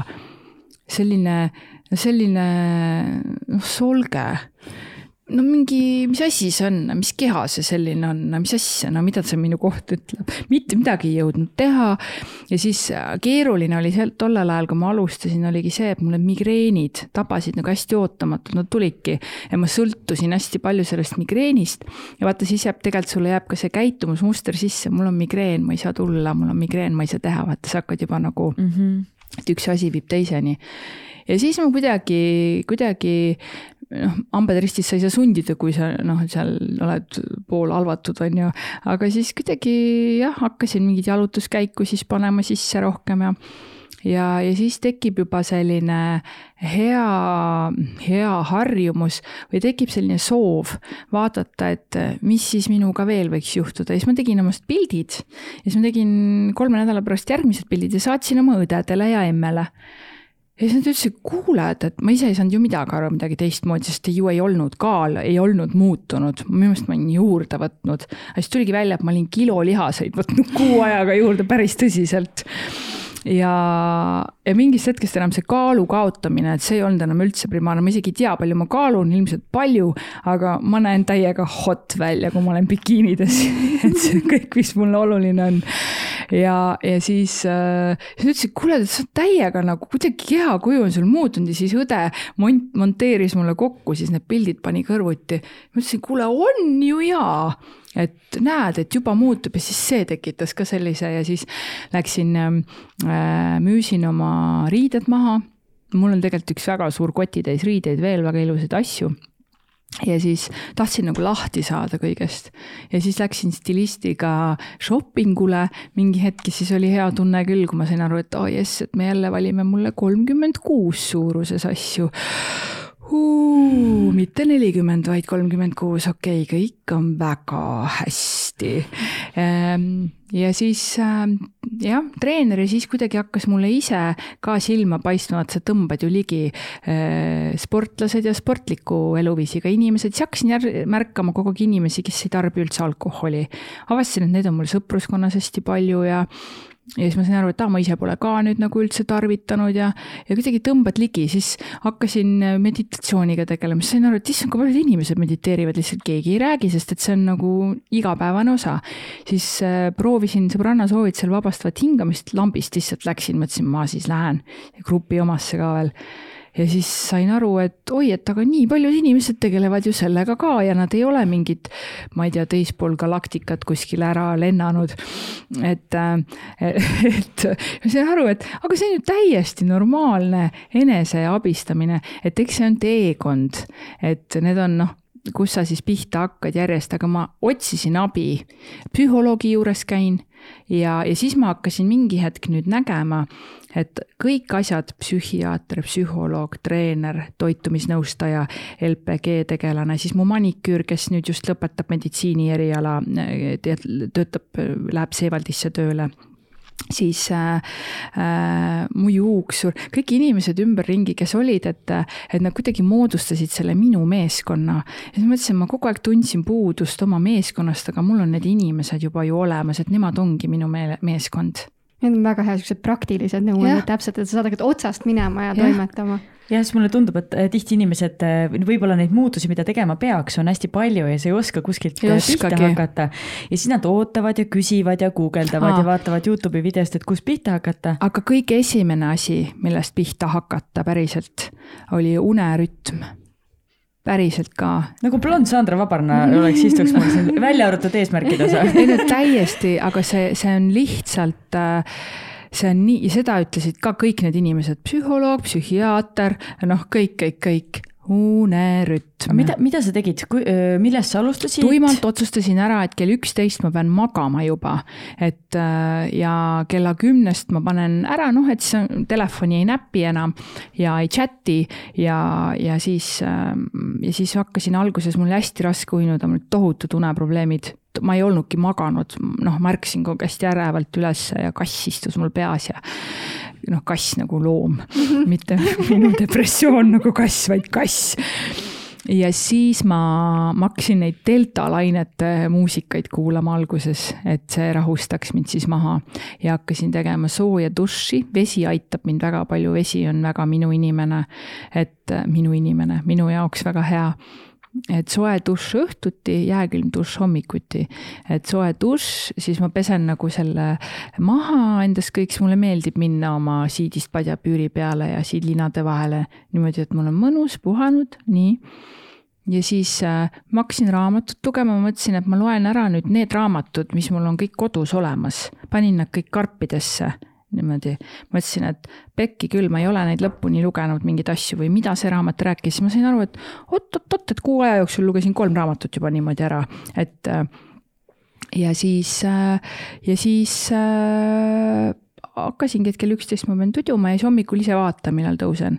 et ja siis kõik ütlesid ka mulle, mu psühholoog ütles, et maga rahuga, tunned, et väsi, maga rahuga, ära pane endale äratuskella, maga endal isu kohe täis, maga kohe mitu kuud, kui tahad. ja see on hea tunne, et sa ei pea ehmatusega ärkama. Ja, ja siis mul oligi ka lihtsam võtta praegu vastu see MyHitsi hommikuprogrammi juhtimine, sest ma teadsin, et ma saan endale harjutada lihtsalt selle rütmi sisse, et ma üheksast lähen voodisse, kümnest jään magama ja ärkan selline noh, viis läbi kuskil niimoodi. ma tegelikult viiest olen üleval, aga no siis ma seal teen oma mingeid mõtteid, mõtlen. ma teadsin, see on täiesti võimalik, see on lihtsalt harjutamise asi, sest ma olen seda ühe korra teinud, lihtsalt nüüd ma tulen natukene nende aegadega varasemaks. et äh, äh siis äh, see on tot-, totaalne game changer ja nüüd ma teen päeval power nap'i ka. teen nagu ühe unetsükli teen ära. nii cool. Ma olen jube igav inimene, selles mõttes, et tegelen ainult, mul on projekt mina, kui keegi küsib, et millega, hästi palju küsivad, teate, kui lahe on olnud see töötuks olemine? Enam ma ei ole, aga teate, Töötukassast oli mulle väga palju abi, päriselt ka. kui kihvtilt on nende teenused arenenud ja, ja, ja see kool, kuhu ma läksin ja kõik see, et, et noh, ma käin koolis ju ka aga see ka aitab, kui sa oled katki, et äh, ma sain aru, et ma väga tahan seda kooli, sinna kooli minna ja õppida, et ma võtsingi selle ühe asja, et mitte, et ta ei ole lihtsalt suvalt võetud. mis kool? see on siis ähm, Balti Filmimeediakooli ja Rahvusringhäälingu selline mikrokraadi kursus, aasta aega kestab, saatejuht, toimetaja televisioonis ja raadios, ehk siis puhas praktika. meie õppejõud on Marko Reikop, Anvar Samost, Olle Mirme, Urmas Oru, Eerik Roose, Astrid Kannel, noh, you name it, noh, täiesti amazing inimesed. ja ja siis äh,, siis ma hakkasin sealt ka nagu saama sellist, Hagi Shane on meie klassijuhataja, see on jube, issand, kui kihvt see on, ma olen nii tänulik. ja seal ma sain aru, et äh, ära karda tööd teha, et ära, et sa, et ma olen kõik õigesti teinud, et, et ma ei ole katki, et, et ma ei ole midagi valesti teinud, et see on täiega minu ala. lihtsalt ma olin vales majas. et äh, et.... ja võib-olla valel ajal ka, et ega me kunagi ju ei. või siis täpselt õigel ajal ja täpselt, täpselt õiges kohas jah oota, aga, aga mida te seal õpite või kuidas see täpselt välja näeb, me teame, et Katri Teller, kes on mm -hmm. ka meil siin äh, selles samas toolis käinud, natuke teises toolis, aga siiski, äh, tema rääkis ka sellest, aga väga põgusalt. Mm, meil on Katriga kusjuures selline päris huvitava püandiga ajalugu, et äh, mina, minu lahkumine on suuresti seotud Katri tulekuga. et äh, aga me rääkisime need asjad selgeks ja vaata kui huvitavalt elu teeb. et ähm, isegi kui sa tunned, et sa tahaksid kellegi peale või mingi olukorra peale nagu olla tige või pahane, siis sa saad aru, et seal ei ole mõtet, et rääkige need asjad omavahel selgeks. et äh,, et Äh, ja siis ma viisin ta väga tugevalt kurssi kõigega, milleks ta valmis peab olema, siis ta ütles mulle ja, ja okei okay,, okei okay,, aga ta ei uskunud mind. Ja siis ta mingi hetk ütles, et mulle täiesti lõpp. Et ma oleks pidanud sind kuulama. et meil on, ta on väga soe inimene, ta on väga tark naine ja mm, meil on, meil on üsna sarnane kogemus, minul lihtsalt kolm korda pikemalt see periood. Ja me õpime siis, äh, me õpime, kuidas, äh, kuidas õigesti intervjueerida, mismoodi, noh, me võime tund aega lobiseda, aga tee see kolmeminutiline intervjuu, meil just oli harjutus äh, Marite Kallasmaad kolm minutit intervjueerida ja Marite ülesanne oli siis äh, teha see meile väga raskeks ja meid kiusata. või siis harjutasime suflööri, ehk siis see on see, kui ma vaatan kaamerasse, mul jookseb siis see. Tekst. ma ei saa nüüd ära, no suflöör, no seesama olgu, jah, tekst jookseb, aga siis ja ma loen uudist väga tähtsat, mingi Al-Qaeda või, või, või mingit Katar Airwaysi uudist ja kus siis ja siis sul on tekst on siin ka ja siis nad teevad meelega niimoodi, et, et sul seal prompteris enam tekst ei jookse aga su silm, sa oled suures plaanis ainult niimoodi, inimene tahab näha su silmi ja su nägu ja siis kõrvas on ju kõrvaühendus ka ja siis toimetaja meelega hakkas mulle siis noh, ütles, et teeme ketile, Karmel Killandi siis ka näiteks õpetab meid. ja siis ta karjus mulle siin erinevaid asju, röökis lihtsalt mingeid jutte, et aga et sa jääd rahulikuks, sest otse-eetris juhtub igasuguseid asju, no sellist asja muidugi ei juhtu, ta ütles, aga noh, ikkagi. ja siis, et kuhu sa oma need näpud asetad selles tekstis, et kust sa kinni haarad ja mismoodi sa siis loed ja annad edasi seda teksti, et inimene ei saaks mitte midagi aru, et midagi on juhtunud, näiteks selline asi. siis meil oli mitme kaamera harjutus, kus me pidime läbi töötama kõik kaheksa erinevat positsiooni, mis on telesaate tootmisel. alates äh, ekraanigraafikust kuni režissööri, režissööri assistendi, toimetaja stuudioassistendi, ise pidime intervjuud ette valmistama, ise tegema siis sinna need vaheklipid, mängima stuudiokülalisi nagu kõike. ja siis noh, mina nimetan neid nagu eksamiteks, aga tegelikult meile hindeid seal ei panda. aga, aga siis see kestis jah, sihuke kolm-neli tundi ja siis me kõik tegime kõikidele nagu saateid ja kõik mängis kõikisid osasid läbi, et, et kuidas režissöör ütleb, jälgib kõike seda pilti, kus on need kaamerad. kolmas valmis ja läks. esimene valmis ja läks.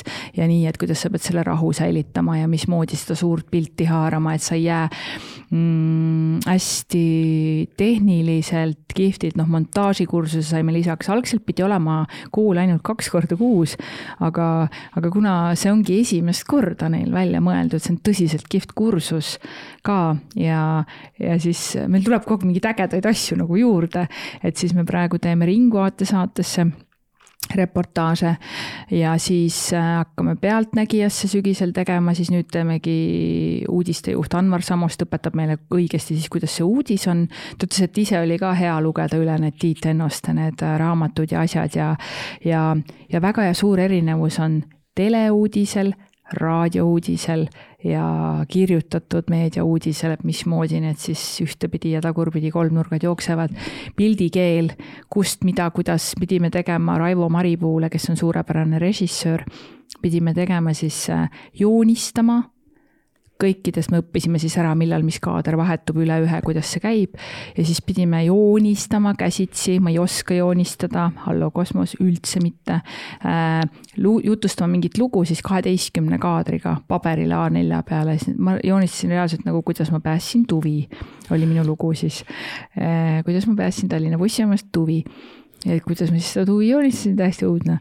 aga noh, sellised asjad, et, et sa saad aru, et kui sa lähed võttele, et mismoodi see eelplaneerimine käib ma suures osas seda oma viimase telesaatega ka tegin, see Keti emmega Balkanil, siis ma olin ise toimetaja ja ja noh, vaat seal on teles on ka nii erinevad žanrid, üks, et äh, mina olen harjunud tegema sellist tõsielulist või sellist noh, reportaažlikus vormis saadet.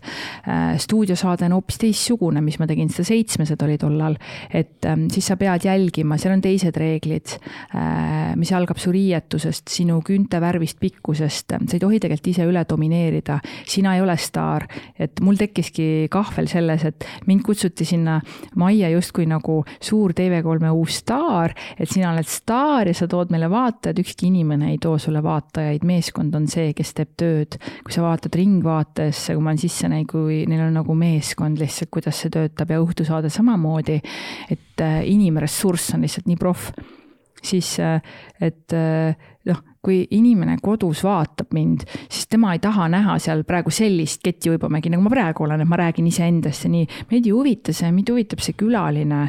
too temast meile ruttu see info ära selle viie minutiga nagu, mida sa edvistad seal. täpselt nii, et miks ta paneb endale nagu nii lühikese kleidi või me ei taha ta jalgu vaadata, sest vaata, mitte midagi ei tohi häirida ei tohi olla liigset mudru laua peal või, või et mul on mingi liiga ekstravagantne soeng või liiga värvitud huuled või küüned, see võtab mul tähelepanu ära.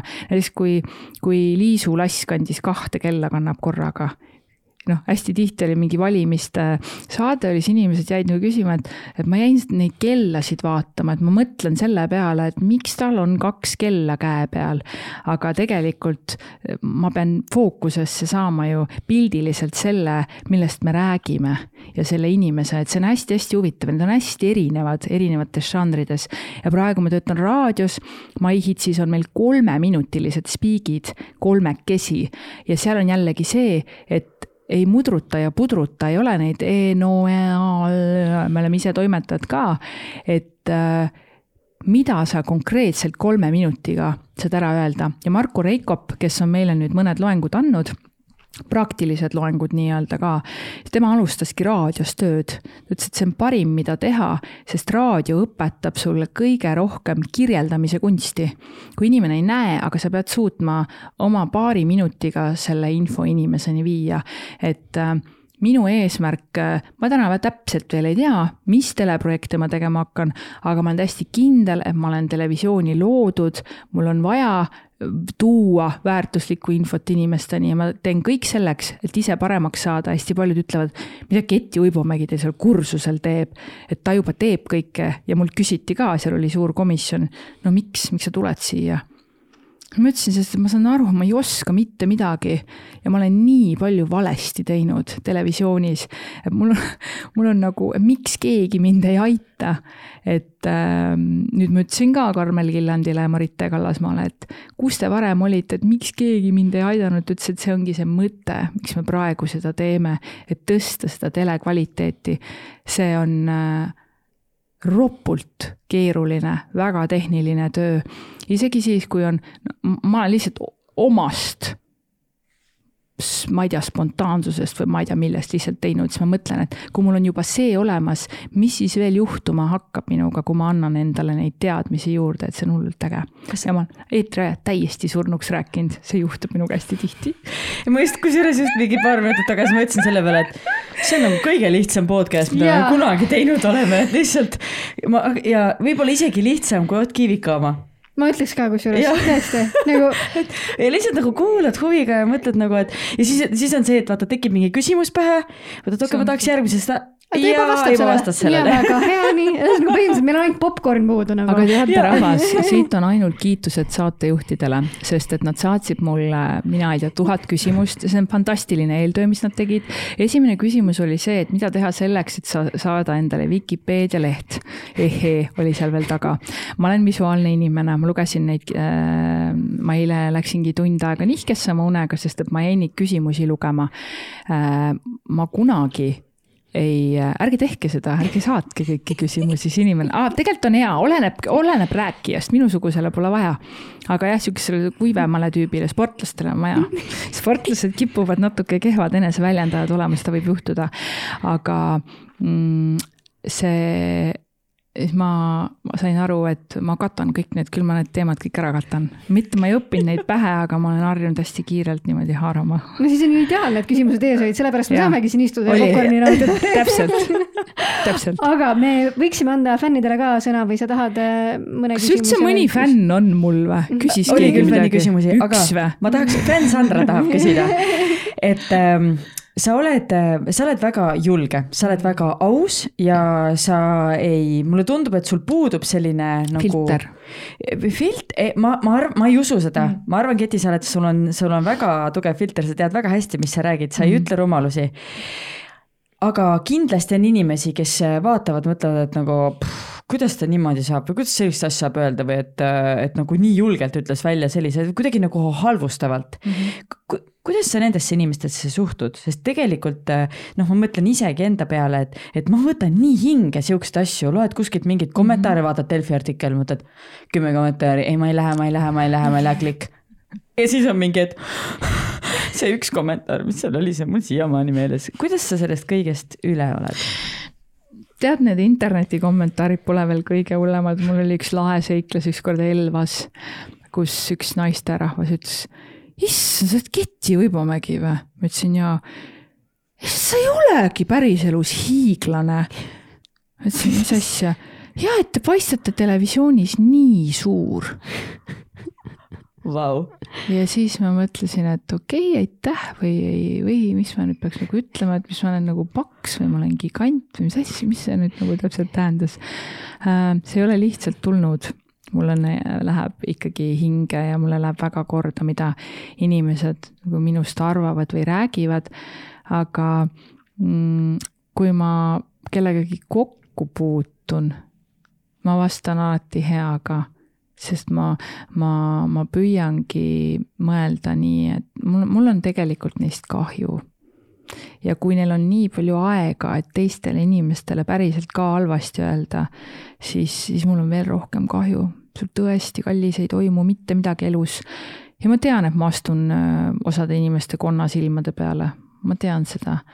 ja aga ma tean ka, et see on see, mis, äh, mis mind huvitavaks teeb ja ma tean ka seda, et kui ma olin Tervis pluss esikaanel, siis selle tiraaž oli kõige rohkem välja müüdud, ma ei saa täpselt neid küm-, no peaaegu sada tuhat, ma ei saa seda, ma ei saa neid numbreid nagu öelda, aga kui inimestel ei ole suva, siis see on kõige olulisem. ja kui on üks, ma tahan noorteni jõuda, kui on kasvõi üks noor, kellel on sellest, mida mina olen läbi kogenud ja nii räigelt peksa ja vatti saanud. kui see aitab tema elu päriselt ka paremaks teha või natukesegi, ma ei tea, tuua ta ära mingi e-sigareti suitsetamise pealt või, või mingist nõmedast suhtest välja või et ta ennast natukenegi austaks, siis kottige mind palju tahate, aga it's all fucking worth it, päriselt. ma ei tea, miks ma fucking ütlen nii palju väga paha, palun ärge öelge sellist sõna, õnneks seda eesti keeles ei ole. vahepeal tahan lihtsalt lahe olla. paganama või jah, paganama. pean nende sina si,, nende sides või nende jah, tüütute sõnadega pean natuke tegelema. kuule, aga äh, ma küsin Maarja küsimuse oh. ja see on tegelikult väga ilus küsimus ja ta küsib, et mis on su jaoks elus kõige tähtsam? mis või kes, mis mis ikka, mis on ja mitte kes, mis on minu jaoks elus kõige tähtsam. et ma oskaks ennast hoida. sest kui mina ennast hoian, siis, siis on absoluutselt kõigil hästi. ma olen niipidi pro-, elanud tükk aega, et ma hoian teid, kõiki teisi enda ümber hästi ja siis ma ise närbun ära, et ma ennast hoian ja see on kõige tähtsam, sest siis ma saan nii palju luua ja, ja mul on teadmine, väga selge teadmine, et, et ma päriselt olen siia saadetud midagi väga suurt korda saatma ja ma ei saagi endale neid eesmärke paika panna, sest siis ma panen endale lae ette, ma ei saa seda teha, sest minu redel, mida mööda mina ronin, on hästi kõrge. tõsiselt ka. see on kõige tähtsam. jah, enesehoid. Ühtegi fänniküsimust tegelikult rohkem polnud, siis nad mõtlesid selle siia välja ei, ma ei mõelnud, ei mõelnud seda välja tõesti. aga lihtsalt me peaksime soovituste nurga juurde ka minema. Lähme. kiirelt. nii. siis äh, üks teos, mida iga inimene võiks tarbida. no me rääkisime ennem sellest ka, aga kui me siin terviseteemadest räägime, siis palun lugege läbi see glükoosirevolutsiooni raamat annab teile palju juurde. ja teine raamat, mis minuni jõudis ka, on äh, Ikigai ehk elamise kunst Teie ka nüüd teate seda raamatut või? mis mhm. asja, kõik teavad juba. täiesti mõttetu. seda on päris palju meile soovitatud ka siin podcast'is. on või? minu arust Sandra Vabarne on sellest hästi palju rääkinud oh.. ma arvan, et ma podcast'is küll ei tähelda, et meil oleks olnud niimoodi miskipärast ma küll mäletan Ah. aga minu mälu on nagu suht kehva, võib-olla see on mingisugustes teistes ma ei ole neid Sandra postitusi vist lõpuni lugenud, sest ma olen ise hästi kehv scrollija seal päriselt. ma teen oma postituse ära ja siis that's it. ja, ja aga olgu, no siis, siis see ei olnudki nii kreatiivne vastus. aga hea soovitus on ta igatpidi, et äh, tõesti väärt äh, siis järgmise soovitusena üks hetk, mida iga inimene võiks oma elus kogeda. Äh, armumise tunnet. isegi kui sa arvad, et seda enam mitte kunagi ei tule ja siis see tuleb ja kõik võiks seda kogeda. see on väga hea soovitus. päriselt ka. no ma saan aru, et sa armud äh, päris tihti, nii et siis äh, jaa, inimestesse üleüldiselt jaa, mulle väga jaa, aga mm, see oli väga hea soovitus. jaa, olgu siis ma ei, ma ei ütle siia midagi juurde, las olla sa võid öelda, kui sa, kui midagi tuli. see hetk, kus sa saad aru, et sa oled ähm, need äh, mured ära lahendanud, mis on sind aastaid jälitanud ja painanud, siis sa teedki nendega rahu, et, et see on ka väga-väga hea tunne. hästi kerge hakkab, hästi palju ruumi tuleb juurde. Mm -hmm. ma olen nagu mingi tõesti mingi saadik. räägin siin mingi positive affirmations. no aga seda on vaja, selliseid saadikuid on hädasti, hädasti tarvis. mul endal käib jubedalt närvidele, kui mõni läheb liiga, võib-olla sellepärast ma ütlengi vahepeal mõne äh, räigema sõna, et ma nagu väga selliseks, väga lendu ka ei taha minna, et ikkagi kahe jalaga või kahe kontsaga maa peal oma karvaste kingadega. Aga siis siia lõppu veel üks soovitus ja see on üks spordiala, mida võiks iga inimene proovida. mm,. Neid on kohe mitu, minge palun ratsutama, ratsatrenn on fantastiline ähm,. ma olen uuesti ka liikusin selle juurde tagasi. Hispaania mägedes galoppisime ja ma käin Valgas seal, mis selle talli nimi oligi, Kiisa, ei mäleta praegu peast. ja ehk siis see näitab ka seda, missugune inimene sa oled, kui sa hobuse seljas kardad olla või üldse ta lähedal, siis sa pead ikka iseenda sisse hakkama vaatama, sest hobune tunnetab absoluutselt kõike, mida sa päriselt kardad. Ta näitab sulle kõik ära. Ja see on nii raske trenn, päriselt, see on nii räigelt raske, palun minge proovige. mine traavi kakskümmend minutit, ma tahan näha, mida su reie sisemised lihased pärast teevad, päriselt ka. ja ma soovitan kõikidele äh, proovida tantsida. Ja võistlustants on see spordiala. mu sõber Jörgen Kapp, kellel on Flex tantsustuudio, viis mind nüüd äh, Eesti meistrivõistluseid vaatama sest, sest ma ütlesin talle, ma pole kunagi käinud, ma unistan, siis ta pani meile sinna kohe selle laua ja kõik. ma olin lihtsalt nii õnnelik, tema ja ta abikaasa mõlemad on tantsijad ja ja, ja, ja ma mõtlesin, kõik need, kes te arvate, et võistlustants ei ole sport või tants ei ole sport, palun mine ja tee üks pooleteise minutiline tšaiv ja siis räägime uuesti. Ma just tahan lihtsalt siia juurde, et mul oli oma elukaaslasega üks päev väga tuline vestlus teemal, kas kulturism on sport.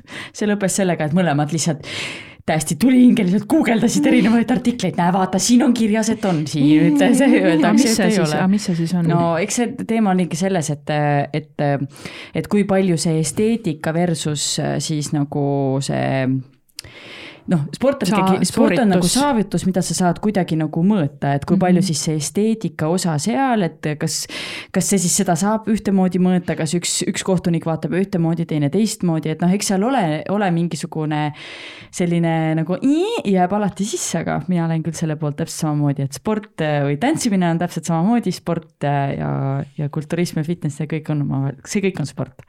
Pange need kulturistid äh, kätt suruma, käe surumist tegema või midagi, või mina ka ei tea, või mingit, et või mingit lihasjõudu või kuidagi selle arvestusega kuskil, et põmm või ma ei teagi, kuidas seda peaks tegema, et kui tahad mõõta midagi. ei olegi vaja, lihtsalt jääme siia.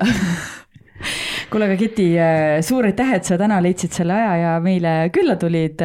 väga põnev jälle, selline Jaa. teist, teistmoodi, teistmoodi, teistmoodi süsteem ja sa oled nüüd teine inimene, kes on saanud ainult esimeste mängu. ei, aga ta on ainus inimene, kes ei ole isegi esimeste mänguga lõpuni jõudnud. me jõudsime reaalselt kaks küsimust esimeste mängust, kaks küsimust, see on uus rekord selles mõttes. aga ta rääkis ära siin ebaõnnestumisest yeah., siis hommikut, hommikutest, siis raamatutest ja, ja, ei ja no sellest on kõik kõike, mis me me rääkisime ma väga sujuvalt läksin sinna, mida inimesed tegelikult teada tahavad. aitäh sulle selle eest. ja aitäh, kuulajad-vaatajad, et olite taas kord meiega ja järgmise korrani. Bye bye. tšau. Sportland, Be First podcast